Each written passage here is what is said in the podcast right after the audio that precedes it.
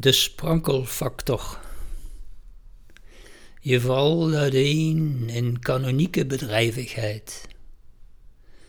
Adem weigert de deining van gedroom. Het gulle wijsheidspaviljoen laat niets meer ongemoeid. In haar glaslicht gloed implodeert mijn geboorte.